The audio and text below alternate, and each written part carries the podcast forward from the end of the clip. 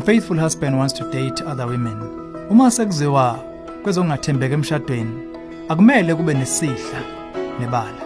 Akumele ogana naye athalalise kubhanqweni ngoba ubuqu bomshado bubunye obungcwele phakathi kwendoda nenkosikazi. Futhi lesifungu akumele neze sibukelwe phansi.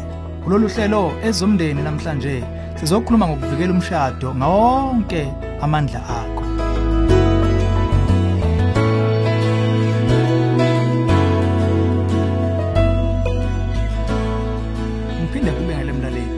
ezomndeni uhlelo lokulethela izeluleko eziphathekayo ngabaka focus on the family. Sithola umbuzo odunga inhliziyo kunkosikazi oBen nendoda engundlela zayo ubuze wathi ngibhekane kanjani nongathembe komkhona wami osekwenzeke ngokuphinda phindwa uze angiqonde acele ngqo ukuthi ufuna ukuba nothando lwaseceleni nomnye wesifazane. Yonke leminyaka umshado sube sesivunguvungwini. Ekugcineni nje useze wavuma ukuthi usethandweni nomunye ngasitha.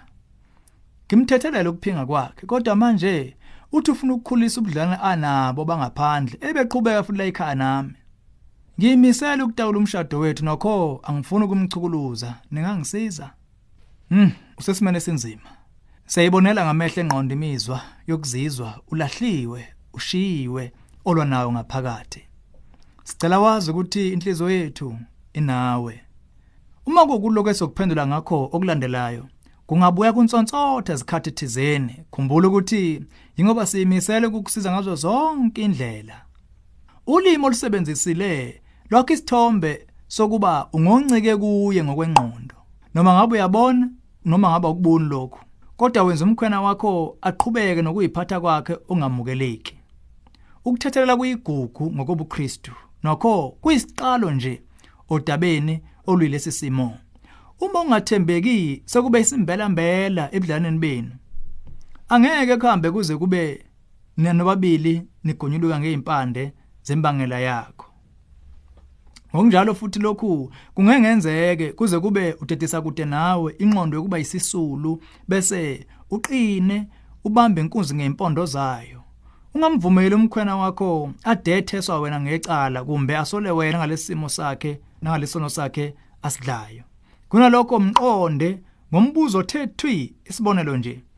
Uzimisele noma cha ukubambisana nami sitewulo umshado wethu? Uma eyimisele unokukhetha kunye kuphela. Kumele anqamule bonke ubudlana nabo nawo bonke besifazane ngokusheshsha lokho ke into ongadinga ukuba kude kuboniswana ngayo kuxoxwa ngayo kuphikiswane ngayo. Into emile nje. Uthe awufuni ukumchukuluza. Kodwa umuthi iqhuzu nje kancane yikho kanye akudingayo.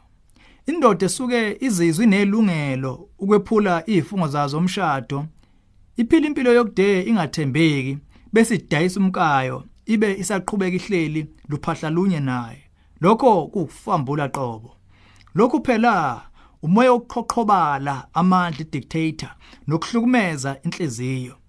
Akumele neze kubekezelelwe. Kumele umkhombise ubucayi qeda umnqomela amanqamu. Uma efuna ukuthi ayithandana nabanye besifazane kumele uyihlala yedwa kwenye indawo. Kumele azi ukuthi ukuphinga kwakhe kakuyi kuvumeleka noma ngaphansi kwasiphi isimo. Uma ukuqhelelana yilokho okuzoba imvula amehlo kuvuse ukuziphenya ngaphakathi lakhe akuvese kube njalo. Kulesigaba kalikho elinye ithemba lomshado wakho. Uma kuukuthi ubungakaqali ukululekwa yiso kanye ke isikhathi lesi. Umnyango wezokweluleka focus on the family ngokwezisebenze zawo zojabulela ukuba ixoxe nawe ngesimo sakho ziphinde futhi zikudlulisele kongoti bezemshado nemndeni abangaba seduze nawe. Ukuxoxa nongakusiza sicela ukuba ushayele ku-031 716 3300 ukwengeza phezu kokweluleka isupport yabazalwane isemqoka. Singancela ukuba uthola abazalwane abazokuhaqa kulesi simo ebandleni uma kungenzeka. Uyothola amandla amasha ukuze ukuthi abanye banqoba kanjani kuzo lezo ivunguvungu ezifana nezakho.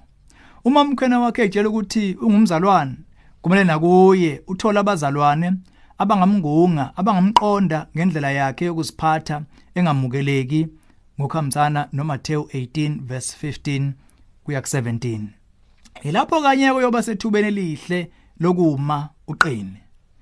Okugcina umcabango uma kuukuthi unezingane ilazi kudinga khona kakhulu ngaphezulu zonke izikhathi. Guqula ingqondo yakho ulungise lesi simo ngenxa yazo uma kungengenxa yakho. Ingane zakho zimele ukuba nomzali omile futhi lo mzali kucacile kakusiye lo yise wazo njengamanje. Ngakho namathele enkosini nabazalwane bese ukhule ungaphezi ze uthole lamandla nesibindi osidingayo ukunqoba usuku nosuku uphile umshado wakho. Lolu hlelo ezomndeni ulethulelwe yi-focus on the family sihlangabezwa ohlelweni oluzayo.